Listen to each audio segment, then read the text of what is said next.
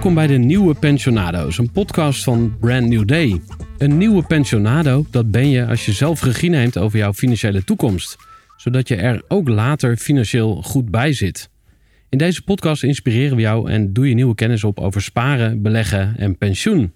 Zodat je nog betere beslissingen over je geld kan maken. Mijn naam is Gerard de Velde en in deze aflevering ga ik in gesprek met Vincent Kouters en Nick van Kasteren. En in deze aflevering leer je hoe je met slim besparen vermogen kunt opbouwen en waarom goed geld, goed voor je geld zorgen jouw leven beter maakt.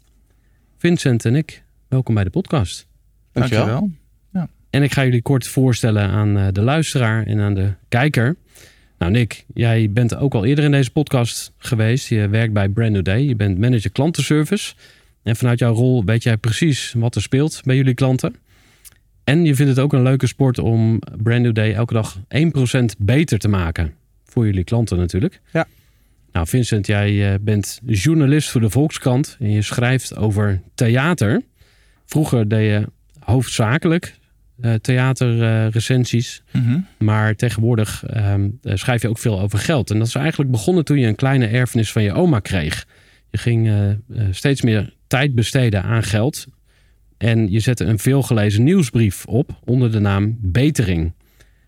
En die nieuwsbrief leidde ertoe dat je met Aaf Brand Korstius de podcast over geld praat je niet ging maken. Want ja, over geld praat je niet. En dus wel, daar moeten we het juist over hebben. En later kwam er ook een boek onder de titel Over geld praat je wel. Je ging ook eh, ehm, aan de slag met een nieuw begrip, wat heel veel mensen niet kennen. En dat is tonner. Want heel veel mensen weten wel wat een miljonair is. Maar eh, ja, wat is een tonner? En daar gaan we nu eh, lekker met elkaar induiken. Dus ehm, ja, let's go. Ja, leuk. En van harte welkom. Over geld praten, altijd leuk. Ja, precies. Ik vroeg ook uh, voor we net gingen beginnen van... Um, ja, je hebt al zoveel erover gesproken... maar het, ja, het mooie is dat nog heel veel mensen er nog niet van weten... van het toneerschap. Dus... Nee, nee, zoveel mogelijk mensen moeten weten dat ik tonair ben, ja. Dus dat is mijn missie. Ja, tof. nou, daar gaan we mee aan de slag. Ik, ik, wil eerst beginnen met jouw backstory, Vincent. Wat meer achtergronden ja. van jou. Wat, wat, deed je eigenlijk voordat je jouw leven aan geld hebt gewijd? Um, nou, dat zei je dus al. Ik, ik was, of ik ben nog steeds freelance journalist. En ik dan eigenlijk theaterrecensent. Niet de meest lucratieve baan op aarde. Maar wel een hele leuke baan. Dus ik, ik ging naar theatervoorstellingen en recenseerde die. En schreef ook interviews met theatermakers en andere kunstenaars. Freelance journalist dus eigenlijk. Al sinds 2006. Ja. En um, nou ja, goed. Dus als freelancer hè, moet je natuurlijk meer dan gemiddeld je, je financiën en je administratie bijhouden en onder controle houden. En dat deed ik allemaal zeer, zeer minimaal. Um, dus um, op een gegeven moment, een jaar of zes geleden, kwam ik erachter dat ik uh, nul pensioen had. Uh, geen arbeidsongeschiktheidsverzekering had. Geen geldbuffer had. nou, wat nog meer. Al die dingen. Dus, schulden? Had je schulden? Of? Ja, studieschuld had ja. ik nog van uh, 10.000 euro ongeveer. Ja. Dus toen werd ik wel met mijn neus op de feiten gedrukt dat er iets moest veranderen.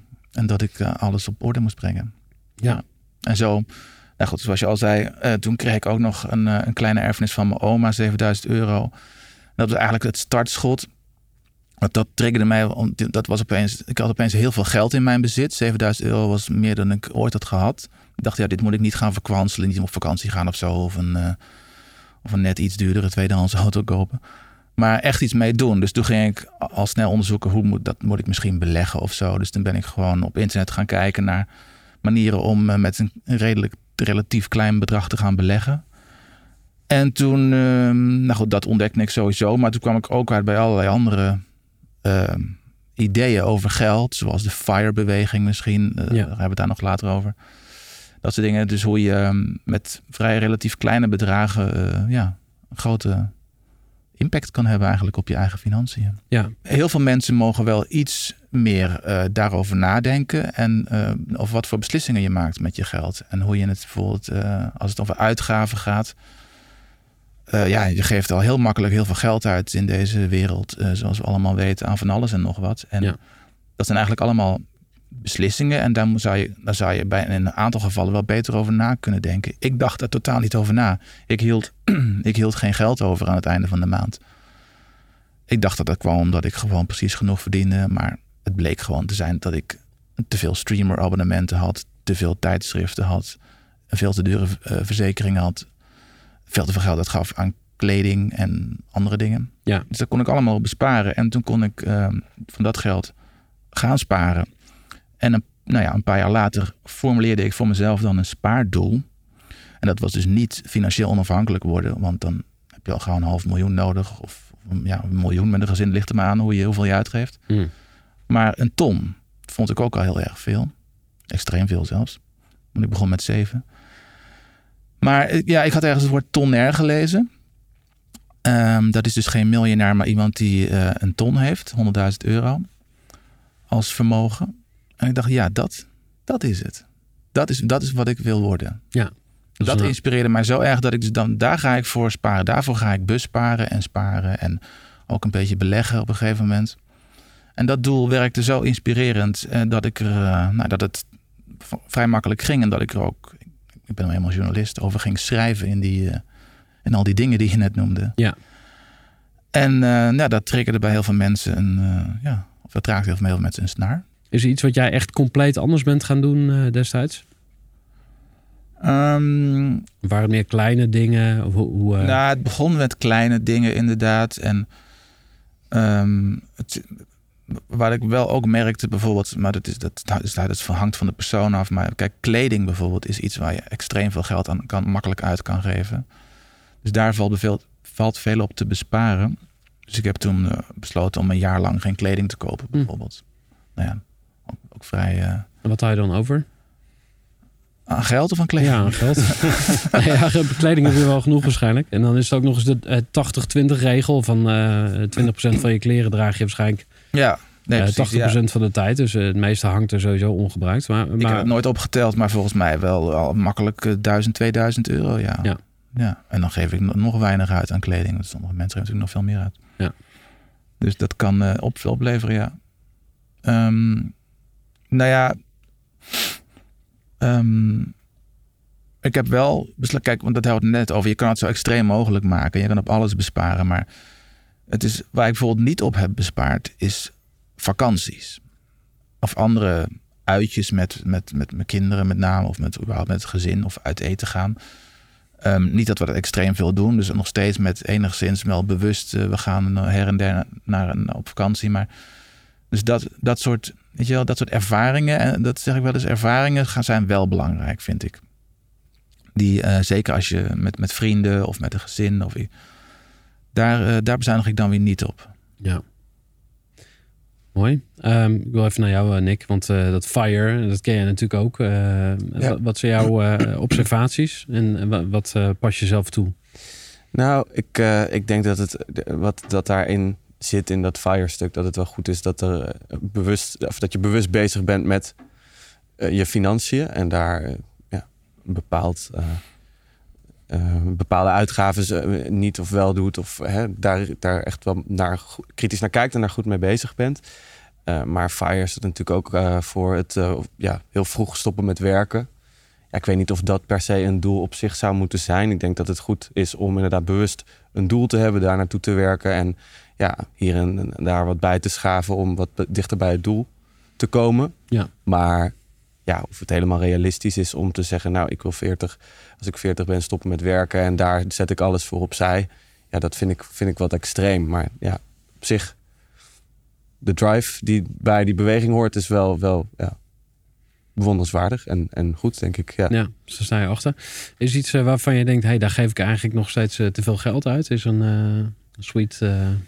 Nou ja, wat, wat Vincent net bijvoorbeeld zei, je kunt best makkelijk geld uitgeven aan, aan kleding. En dat is dus ook iets waar je vrij makkelijk op kunt besparen. Dat is wel iets wat ik dan toch wel regelmatig doe. Dat ik denk, oh, dit is wel leuk. Oh ja, nou, neem het in twee kleuren of zo. Terwijl, heb je dat dan echt nodig? Of hangt er nog genoeg in de kast? Nou, dat is wel een onderdeel waar ik uh, zelf dan wat anders mee om zou kunnen gaan, ja. Ja.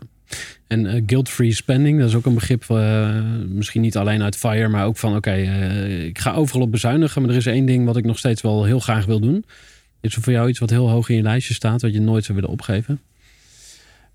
Ehm, nou ja, dan sluit ik me eigenlijk ook weer aan bij Vincent. Maar ik vind bijvoorbeeld ook op reis gaan of op vakantie of een keer goed uit eten. Dat zijn wel dingen die ik heel, heel leuk vind. Die ervaringen, zoals Vincent benoemde. Um, daar krijg je ook heel veel voor terug. Dus dat is wel iets wat ik hoog op de lijst heb staan van dat vind ik belangrijk en doe ik graag. Ja. ja. Dus daar zou ik minder snel op, op bezuinigen of besparen. Ja.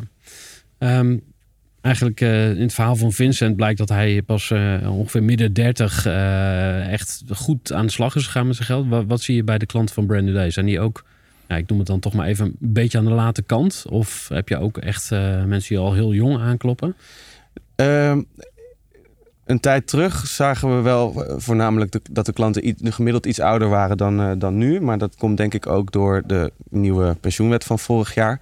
Waardoor we eigenlijk veel meer mensen uh, veel meer ruimte hebben om zelf iets aan hun pensioen te doen. Dus er, je, je merkt wel dat het iets is wat meer begint te leven. En daardoor ook dat er steeds ja, jongere mensen daar al mee beginnen. Of freelancers, ZZP'ers, die hebben niet een werkgever die uh, pensioen voor ze opzij zet. Dus die moeten ook echt zelf wat doen. En dat is natuurlijk best wel een grote groep. Dus je mm -hmm.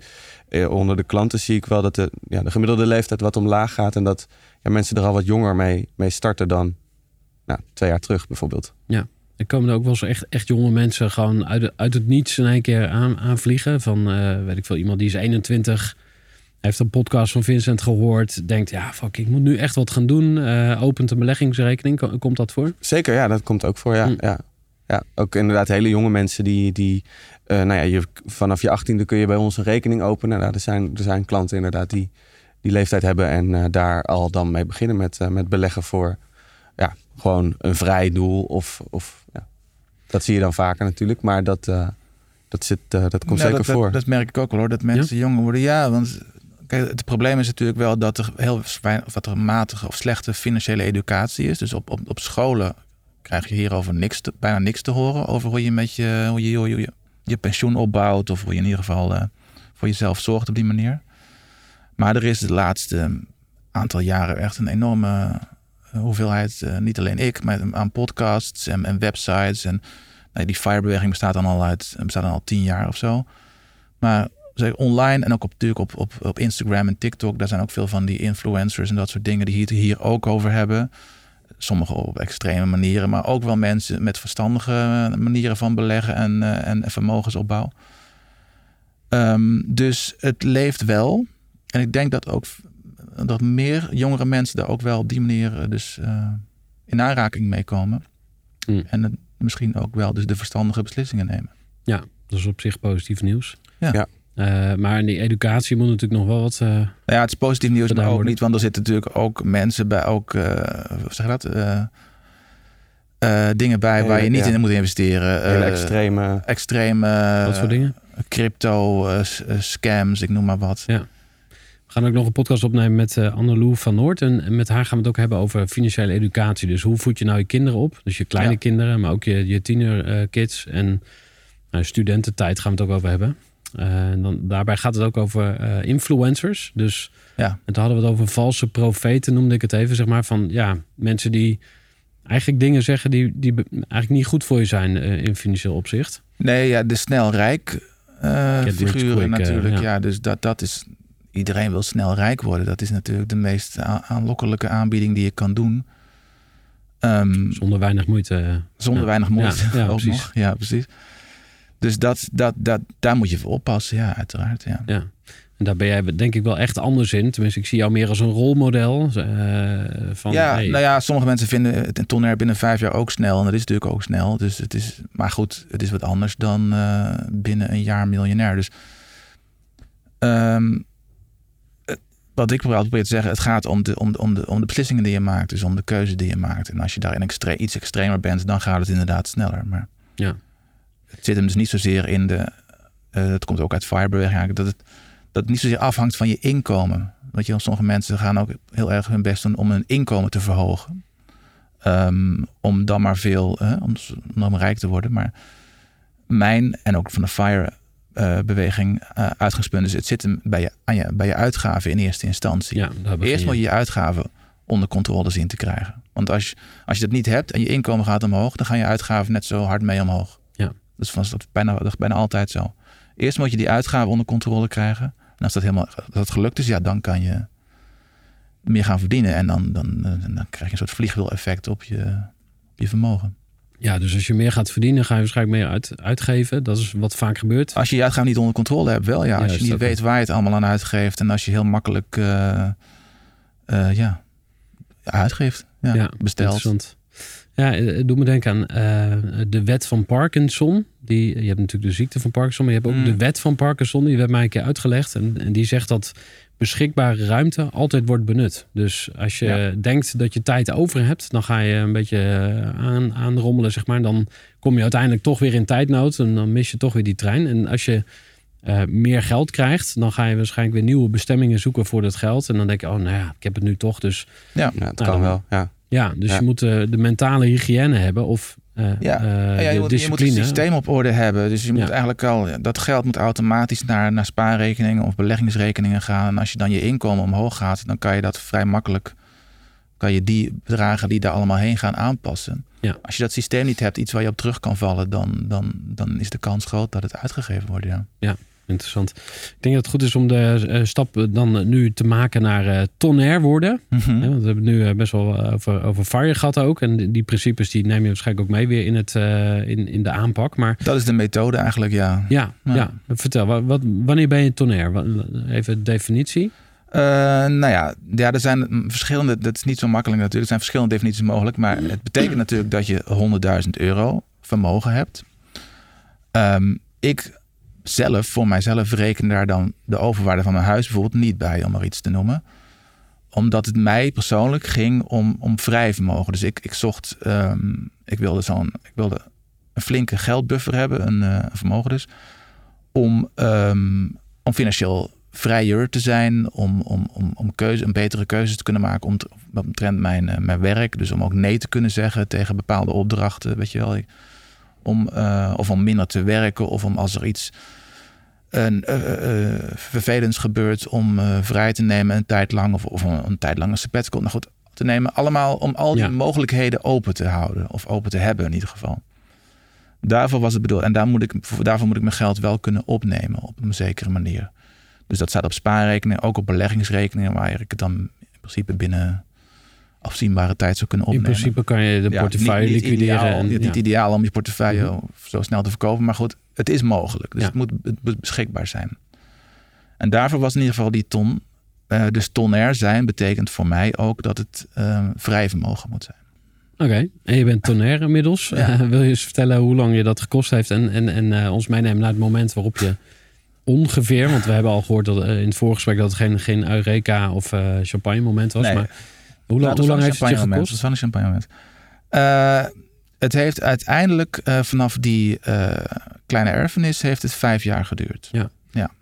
Dan kan ik dan zeggen Maar- dat je van, ze- van, van 7000 euro een ton gemaakt hebt in vijf jaar? Oké, Nou, dat kan je zeggen, ja.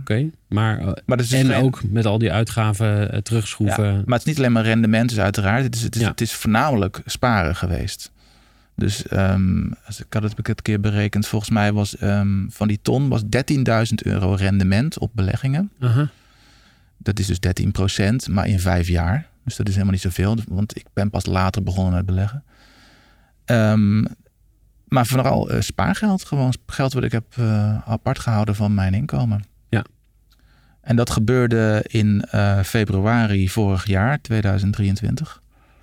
Ik zag het al een beetje aankomen, want je, de beurs gingen toen even omhoog. En, ehm, eh, of eindelijk weer omhoog, moet ik zeggen. Want Ja. heel 2022 ging de beurs omlaag. Ja. Nog, en dus toen bleef ik de hele tijd hangen rond de 80, 90.000 euro. Dat was heel frustrerend. Het had een jaar eerder kunnen gebeuren. Ja. Als, het, eh, als de markt het meegewerkt. Maar goed, maar uit. Ik bleef gewoon inleggen in mijn beleggingsrekening trouwens. Daardoor bleef het dus zo'n beetje stabiel. En toen ging de beurs omhoog. En toen ehm, ging ik al snel door naar 90. En toen werd er nog wat uitbetaald. Waardoor ik opeens eh, doorheen schoot, ja. Ja. Ja, En heb je daar wel of niet gevierd? Want eh, ik zei al van je Ja. zonder champagne, maar eh, wat... Nou ja ik, ja, ik vond het wel. Ik was er echt al lang mee bezig. En mijn vrouw oh, moest het ook allemaal lang aanhoren. Dus we hebben dit wel. ik dacht, ik koop nu wel. Ik, ik koop natuurlijk niet zo gauw iets. Maar ik koop een fles goedkope champagne bij de Lidl. 4,99. Symbolisch. Die schijnt heel goed te zijn. Mhm.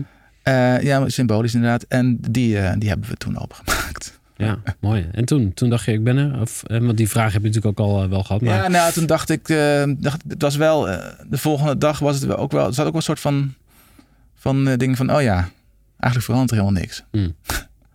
Je, dat kon er wel een beetje aanzien komen, maar je, je hebt dan zo'n doel behaald en dat is heel erg, het, het, het doel op zich is heel erg leuk om te behalen. Dat gevoel dat je een doel hebt behaald, dat je een marathon hebt gelopen of een, of een ton hebt gehaald, is heel vet. Ja. Ehm, maar daarna gaat het gewoon, leeft natuurlijk gewoon weer door. Dus het is niet dat ik nu eh, opeens eh, anders ben gaan leven. Helemaal niet zelfs. Maar heb je nu een, eh, een nieuw doel geformuleerd dan? Ehm, nee, nog niet echt. Ik, ik ben nu aan het bekijken wat ik op zip. In principe wil ik wel het, het dubbeltonair worden. Of het, het woord tritonair heb ik ook al eens nee, die is opgeschreven. mooi. Er is ook een roeivereniging zo heet, Triton. Dus eh Ja, ik eh, in een nieuw licht te staan. Maar, Maar, de- ehm, Tritonair zou, zou kunnen. En, en Ja, maar het is, het is een beetje een hellend vlak, hellend vlak want ja, en dan, en dan. Ja. De bedoeling is juist om bewust om te gaan met geld en dan niet al- allemaal, allemaal eh, geld te blijven vragen. Dus er moet wel een doel zijn. Kijk, dit, dat bedrag, eh, dat die ton was ook niet het einddoel of niet het, Mhm. niet het echte doel voor mij. Dat was meer een moti- motiverend, motiverende, wat zeg dat? motiverende motivatie. Ja. Mhm.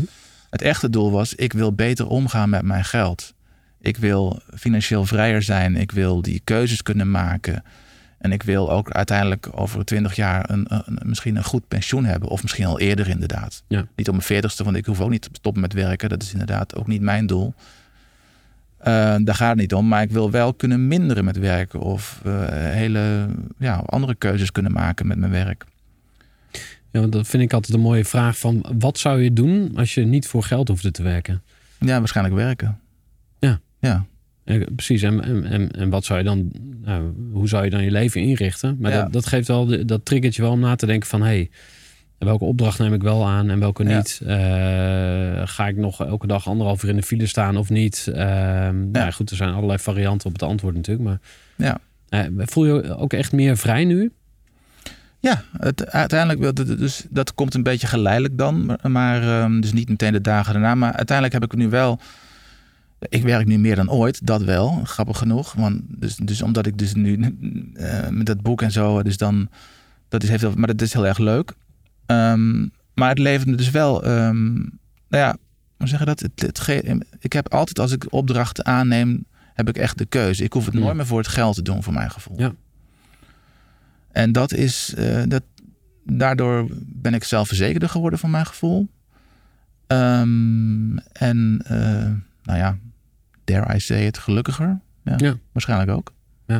Nou, geld maakt je niet gelukkig, maar gebrek aan geld maakt je waarschijnlijk wel ongelukkig. Ja, of natuurlijk. dat En- levert en- stress op. Tot op zekere hoogte maakt geld wel degelijk gelukkiger natuurlijk. Ja, dus wel. Interessant. Maar je kan ook te veel hebben, dan heeft het geen effect meer. Maar Ja. dan, ehm, We gaan naar eh, de stappen om eh tonair te worden. Je luistert, je denkt, oh, dat lijkt me wel wat. Of uh, nou, je bent misschien al tonair, maar uh, je wilt next level. Wat, wat zijn volgens jou dan de stappen? En in je boek heb ik uh, zeven pijlers uh, kunnen ontdekken. Maar misschien heb je er uh, een kortere samenvatting, drie stappen. Of wel, welke dingen moeten we gaan doen en, en laten? Nou, je moet eerst dus dat doel voor jezelf formuleren. Je kan niet zomaar zeggen, ik wil tonair worden en daarna zien we wel. Je moet wel echt, moet er wel echt een, um, een, een, een, een, droombeeld of een idee voor jezelf bij hebben wat je, waarom je dat wil. Het gaat, nogmaals, het gaat niet om die 100.000 euro. Het kan ook 10.000 zijn als, je, als dat beter past bij jouw inkomen en situatie. Ja. Of een miljoen als je om een of andere reden in een hogere schaal zit. Maar Um, voor mij werkt de ton nou eenmaal het beste passend bij mijn uh, situatie. Um, en dat ging dus nogmaals niet om die ton, maar om de, om de, de keuzevrijheid die mij dat opleverde. En dat, dat, dat moet je goed voor jezelf hebben geformuleerd, denk ik. En dan kan je met zo'n concreet doel, zo'n zo van, een, uh, van een bedrag. Um, en dat bedrag moet wel tegelijkertijd het moet haalbaar zijn, maar ook wel ambitieus. Mhm. Net als het, net als nogmaals, net als een marathon lopen. Dat is net zoiets dat je denkt van 42 kilometer, dat is echt waanzinnig. Dus het moet een beetje spannend Het moet zijn. wel spannend zijn. Maar, anders- ja, precies. Ja. Maar anderen hebben het ook gedaan, dus het, het zou moeten kunnen. Mhm. Ehm, dus dat moet je voor jezelf formuleren. En dan, eh, ja, en dan, en dan, nog, en dan gaat het over eh, uitgaven. Kijken naar je uitgaven. Ja. Waar lekt het allemaal weg? Die Ja. euro's iedere maand of week. Al die dingen dus- die we net hebben genoemd. eh, of, of ja, eten bestellen, kleding, verzekeringen. Ja. Wat ik ging doen, heel praktisch, is gewoon... Dat deed ik namelijk dat, tot, dat, tot dat moment nooit. Mijn, af, mijn bankafschrift langs teruglopen. Tot Mhm. een jaar of... nou, ja, tot een maand of zes terug. Ik keek nooit op mijn bankafschrift. Dat ging allemaal goed. Het ging wel net goed blijkbaar. Ja. Nou, nou goed, soms kwam er ook geen geld uit de automaat. Maar goed, dan stopte ik gewoon even met uitgeven. maar dat is natuurlijk niet een hele gezonde manier om met je financiën om te gaan. Eh, dus gewoon kijken. En dan zie je opeens eh, waar al het geld naartoe gaat. En er bleken abonnementen bij te bestaan waarvan ik geen weet meer had dat ik ze had. Ja. Dus eh, nou, die kan je dan meteen opzeggen. En ook, maar ook dingen waarvan ik wel wist dat ik ze had, maar me afvroeg waarom heb ik dit eigenlijk? Of uitgaven of dat soort dingen. Dus Ja. dan kan je al meteen een inventar- inventarisatie maken van eh, waar, het, eh, waar de grote winst te behalen valt. Oké, en je hebt ook je schuur leeg verkocht. Dus je Oh, kan ja. ook nog even op zolder gaan kijken of in de schuur... eh, Dat is ook, ja, dat, dat vond ik ook leuk om te doen. Dat deed ik wel overigens in, in de coronaperiode toen ik Mhm. niet zoveel werk had. Want het is wel een klusje. Want je moet dan ehm, inderdaad je schuur leeghalen. Of in ons geval het hele huis. Overal, overal staat er stond rommel.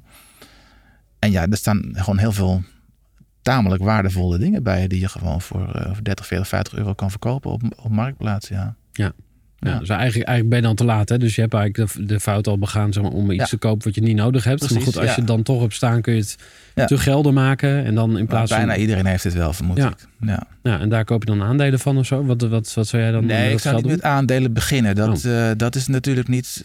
Als je bij 0 of in mijn geval 7000 begint. eh, Het, het- maar de eerste stap zou wel zijn om een soort ehm, echt een spaarbuffer aan te leggen. Hm. Kijk, want, ehm, dus voor, voor, voor noodgevallen of, of allerlei dingen. Ja. ehm, die je kan De bedenken. auto gaat kapot, je moet iets Auto- nieuws. ja, eh, of- precies. ja, whatever. Ja, voor een auto zou ik, dat ligt er een beetje aan wat voor auto je gewend bent. Maar je, daar kan je ook een apart potje voor aanleggen dan Mhm. weer. Want dat kost ook al gauw eh, meerdere duizenden euro's. Tweedehands. Ehm, dus dat hangt vanaf van waar je geld precies naartoe gaat. Maar eh, een spaarbuffer van, in mijn geval had ik volgens mij 10.000 euro bedacht. Mhm. Van geld wat gewoon 24 uur per dag beschikbaar is voor, wat, voor welk geval dan ook. Dat is wel handig om te hebben. Maar hoe blijf je daar Want je wil niet je aandelen of je, je aandelenfondsen meteen gaan verkopen. Dat kan dat, meestal op het verkeerde moment dat dat moet gebeuren. Dat is niet handig. Dat, beleggen moet je doen voor de lange termijn natuurlijk. Oké, dus we begonnen met eh, een, een, een doel stellen. Dan ga je eh, je kosten eh, eh, snijden, zeg maar, of analyseren van hey, waar, waar laat ik het liggen. Dat ga je sparen. Je gaat je, je, je schuur of je zolder leeg verkopen. Ja. En, en, wat, en dan ga je dus een spaarbuffer aanleggen. En wat zijn dan nog de volgende stappen? Ehm ja, goed. Ja, het belangrijke, tussendoor, het is nog wel belangrijk natuurlijk om al die besparingen ook echt te gaan sparen. Dus dat is Hm. wel, dus je moet dat inderdaad meteen op allemaal op spaarrekeningen wegzetten en zo. Ehm eh, nou ja, goed. eh, Dus je- automatiseren bedoel je dat? Automa- ja, dat bijvoorbeeld. Dat kan door te automatiseren. Maar, nou ja, maar gewoon ook als je, als je je uitgaven omlaag krijgt, dan kan je dus meer sparen. En dat moet je wel eh, aanpassen als je automatische overschrijvingen hebt. Ja. En die laten staan op je betaalrekening. Ehm, schulden hebben we ook, ook nog natuurlijk. Dat moet eigenlijk misschien iets eerder. Het ligt een beetje aan het type schuld. Ik had dus een studieschuld.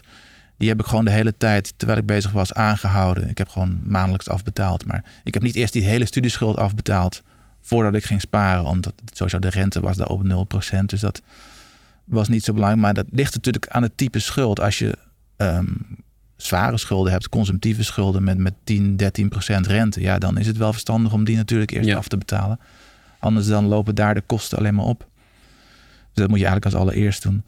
Studieschuld eh, en hypotheek ook zijn over het algemeen niet zo, eh, eh, hoe zeg je dat? Duur? Ja. Niet zo duur. Ja. Dus die, ehm, maar goed, dat, met name je hypotheek, dat, dat, dat zou je dan moeten kijken. Dat ligt er dus heel erg aan. Als je wel een dure hypotheek hebt, dat kan tegenwoordig weer. dan kan het voordeliger zijn, of in ieder geval rendabeler zijn, om daar ook om die versneld af te gaan betalen. Oké. En dan hebben we eh, beleggen. Dus je zegt van eh, eerst sparen, maar dan daarna Ja, kun je toch ook wel gaan beleggen. En dan zegt mijn Ja, eh, schoonmoeder altijd van, oh, dat is gevaarlijk. Dat moet je niet gaan doen. Nee, nee Ja. roept meerdere vragen op van hoe ga je om met eh mensen in je omgeving. maar Ja, maar er zijn natuurlijk tientallen manieren van beleggen. En, en de meest gevaarlijke manieren zie je vaak in films en op het nieuws. Ja. Alle hele speculatieve dingen. Maar er zijn natuurlijk ook gewoon, eh, nou we zitten hier bij Brand New Day, hele verstandige manieren om te beleggen. Dus gewoon in fondsen en, en, en sowieso voor de lange termijn heb ik al genoemd. eh, in fondsen waarin je geld heel breed gespreid is. Ehm, dat is ehm, eh, volgens mij goed te doen. Zeker als je eh, dus al een spaarbuffer hebt, is het onvoordelig om al je geld te sparen. Ja. Met- zeker met de huidige spaarrentes. Dus de gemiddelde rendementen op breed gespreide indexfondsen, wereldfondsen of wat dan ook. Ja, dat, hoe langer je de termijn neemt, hoe, hoe vrij zeker van je van kan zijn dat dit rendement groter is. Ja. En een ander voordeel van beleggen is ook dat je je geld nog net iets verder weg van je afstaat. ja, Dus die spaarrekening, wat je net zei, daar kan je nog steeds vrij makkelijk hè, iets opnemen. Stel dat je die spaarbuffer hebt en je gaat gewoon door met sparen, dan denk je op een gegeven moment, ja, Ja. kan wel 10.000 euro even opnemen. Maar in, als het in beleggingsfondsen zit, dan ligt aan het type rekening, maar dan kan je het in principe ook gewoon eh, verkopen en binnen een week of wat dan ook hebben. Maar ja, dat is dan Voelt hebben we heel toch, veel eh, handelingen. Dus ja. dat, eh, en is ook sowieso niet verstandig. ja. Ehm, je sluit je boek af met een, een hoofdstuk over volhouden. Dus eh is leuk, je hebt goede Ja. voornemens. Hè? We zitten nu aan het begin van het jaar ook. Iedereen denkt, ja, tonair worden, leuk. Ja. En dan gegeven moment lukt het niet of zo. Je krijgt tegenslag of je bent Ja. niet meer geïnspireerd. Eh, hoe, hoe hou je dan toch vol? Ja, door de, nou ja, hoe ik het heb volgehouden is Mhm. door er gewoon vrij, eh, ten eerste vrij actief mee bezig te zijn. Dus ook de, ook de kleine bedragen niet, te, niet op neer te kijken. Ja. Kleine winstjes of eh besparingjes. Of als ik nog ergens eh, toch iets zag wat ik eh, hoe zeg dat, niet wilde te verkopen. Eh, en wat mij natuurlijk ook ontzettend heeft geholpen, is door er gewoon iedere week over te schrijven.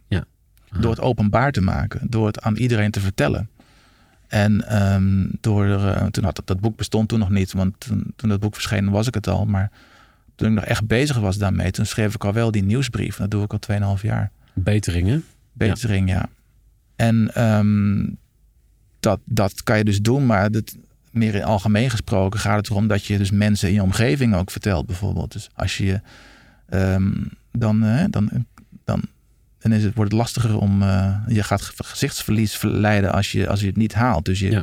wordt daardoor meer gemotiveerd om er echt mee bezig te zijn. Ja, slim. Dus eh, de sociale component, eh, vertel het Ja. aan mensen om je heen. En, Dus dat was ook de reden voor mij om die, die nieuwsbrief te beginnen en er op social media over te schrijven en wat dan ook. Om gewoon, het was eerst heel spannend in het begin eerst, want het is ook, ook gênant natuurlijk om dit, dit doel bekendbaar te maken. Hmm. Maar toen het eenmaal gebeurd was, toen eh, kon ik niet meer terug. Ja, mooi. Nou, ik hoop eh, dat er eh, her en der, misschien op social media, ook mensen ehm, eh, gaan posten hierover. Dus dat Ja. iemand die luistert denkt van, hey, ja, ik ga dat gewoon doen. Ik ga dat doel stellen en ik ga dat ook delen met de wereld. Dus mogen ze jou misschien ook wel in taggen als er zo'n berichtje komt. Ja hoor. ehm, we gaan naar de afsluiting van, van deze aflevering. En dat gaan we doen met ehm, een goed advies. Maar we beginnen nog even met een, eh, met een quote. Is er een quote waarvan je denkt van, nou, die mogen mensen wel eens eh, op hun koelkast hangen, zodat ze hem elke ochtend zien? Ja, maak alles zo simpel mogelijk, maar niet simpeler. Van Albert Einstein. Oké. Heb ik ook in mijn boek geschreven. Ehm, ja, dat gaat om, om geld. Kijk, geldzaken worden, als het om geld gaat, tenminste, dit, die quote gaat natuurlijk over allerlei zaken, maar als het gaat zeker ook over geld, eh, worden al heel gauw ingewikkeld gevonden. En zeker als het over onderwerpen gaat als beleggen of hypotheken, dan schrikken heel veel mensen daarvoor terug. En ik, ik heel lange tijd ook. Eh, en zeggen, nou, het, zal allemaal wel. eh, ik laat het allemaal doen. Of eh, in het geval van hypotheek of beleggen, daar begin ik niet aan. Ehm, maar dat hoeft natuurlijk niet. Je kan vrij simpel kan je al, ehm, zeker als het om beleggen gaat, wat we net ook al besproken dus, kan je dat doen. En het is meestal in het geval van dit soort zaken ook rendabeler om het simpel te houden. Want hoe ingewikkelder de constructie is, hoe, hoe meer mensen er uh, een graantje meepikken ten eerste. Mm, ja. En um, ja, hoe vaker ook hoe groter de risico's zijn. En dan, uh, dan kan je, dat kan ook heel slecht uitpakken. Dus ja. daarom, daarom mijn hele filosofie is ook om het, om het zo simpel mogelijk op te schrijven. Dus dat tonair, tonair worden is ook een simpel idee eigenlijk. Terwijl het eigenlijk gaat over vermogensopbouw, pensioen voor later.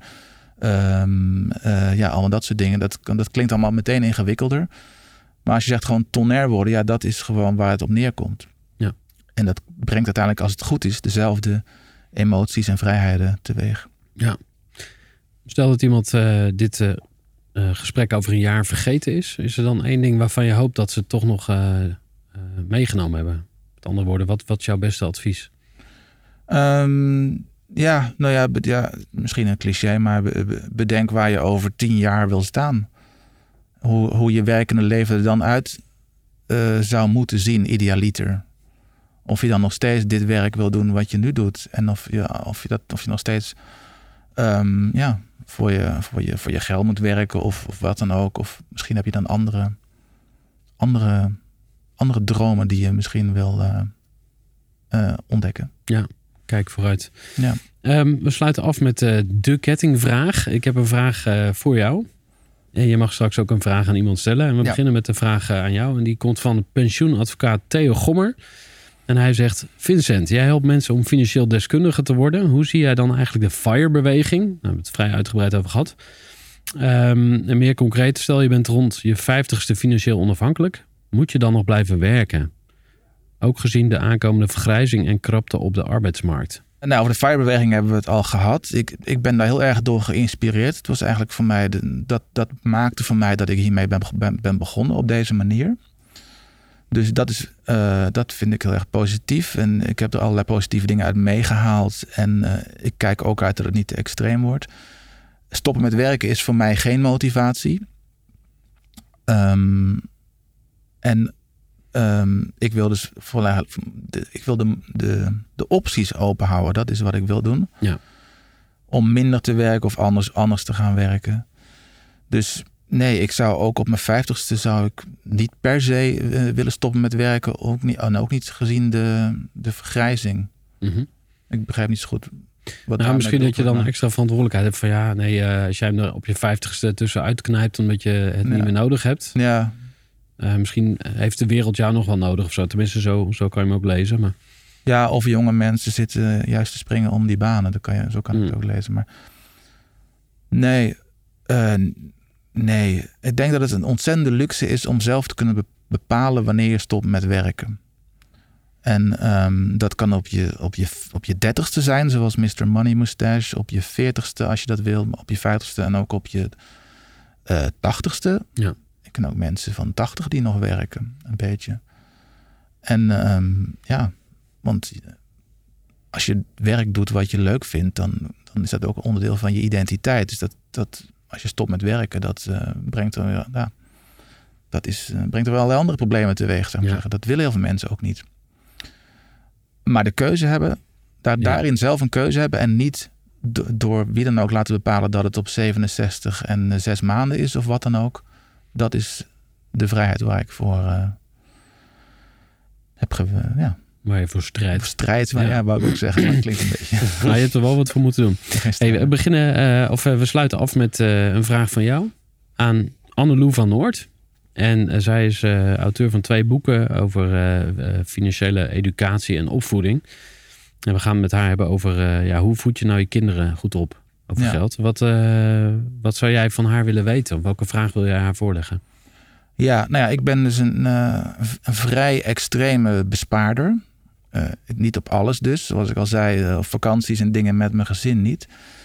Dus ik vroeg me wel af, als je dat wilt doen, in hoeverre kan je besparen op kinderen? ethisch gezien bedoel ik ook. Of in ieder geval, is dat, moet je überhaupt besparen op kinderen? Ze, ze, krijgen, ze, ze vragen voortdurend om speelgoed. Tenminste, die van mij wel. En um, in hoeverre, hoe ver kan je daarin gaan? En wat, en wat uh, in hoeverre moet je daarin gaan? En hoe doe je dat? Ja. hoe zeg je nee tegen kinderen? Van eh, ja, ja nee, nu even niet. Want je ouders willen over tien jaar de keuze hebben om te stoppen met werken. Ja. Dat zegt hun natuurlijk niks. Dus ja, hoe, hoe neem je je kinderen daarin mee? Ja, mooie vraag. Dankjewel. We zijn aan het einde gekomen van deze aflevering. Ik wil jullie hartstikke bedanken. En ehm, als je naar deze podcast uh, luistert, uh, ga ook een keer de podcast kijken. En volg het YouTube-kanaal van Brand New Day. En volgens mij uh, gaan we weer wat mensen helpen om tonair te worden. Dus dankjewel voor het mooie gesprek. Jullie allebei. Ja, dankjewel. Dankjewel. Deze podcast is een reclameuiting van Brand New Day Bank. In deze podcast informeren we jou en gaan we in gesprek met experts. Het is niet de bedoeling dat je wat we in deze podcast zeggen opvat als financieel advies.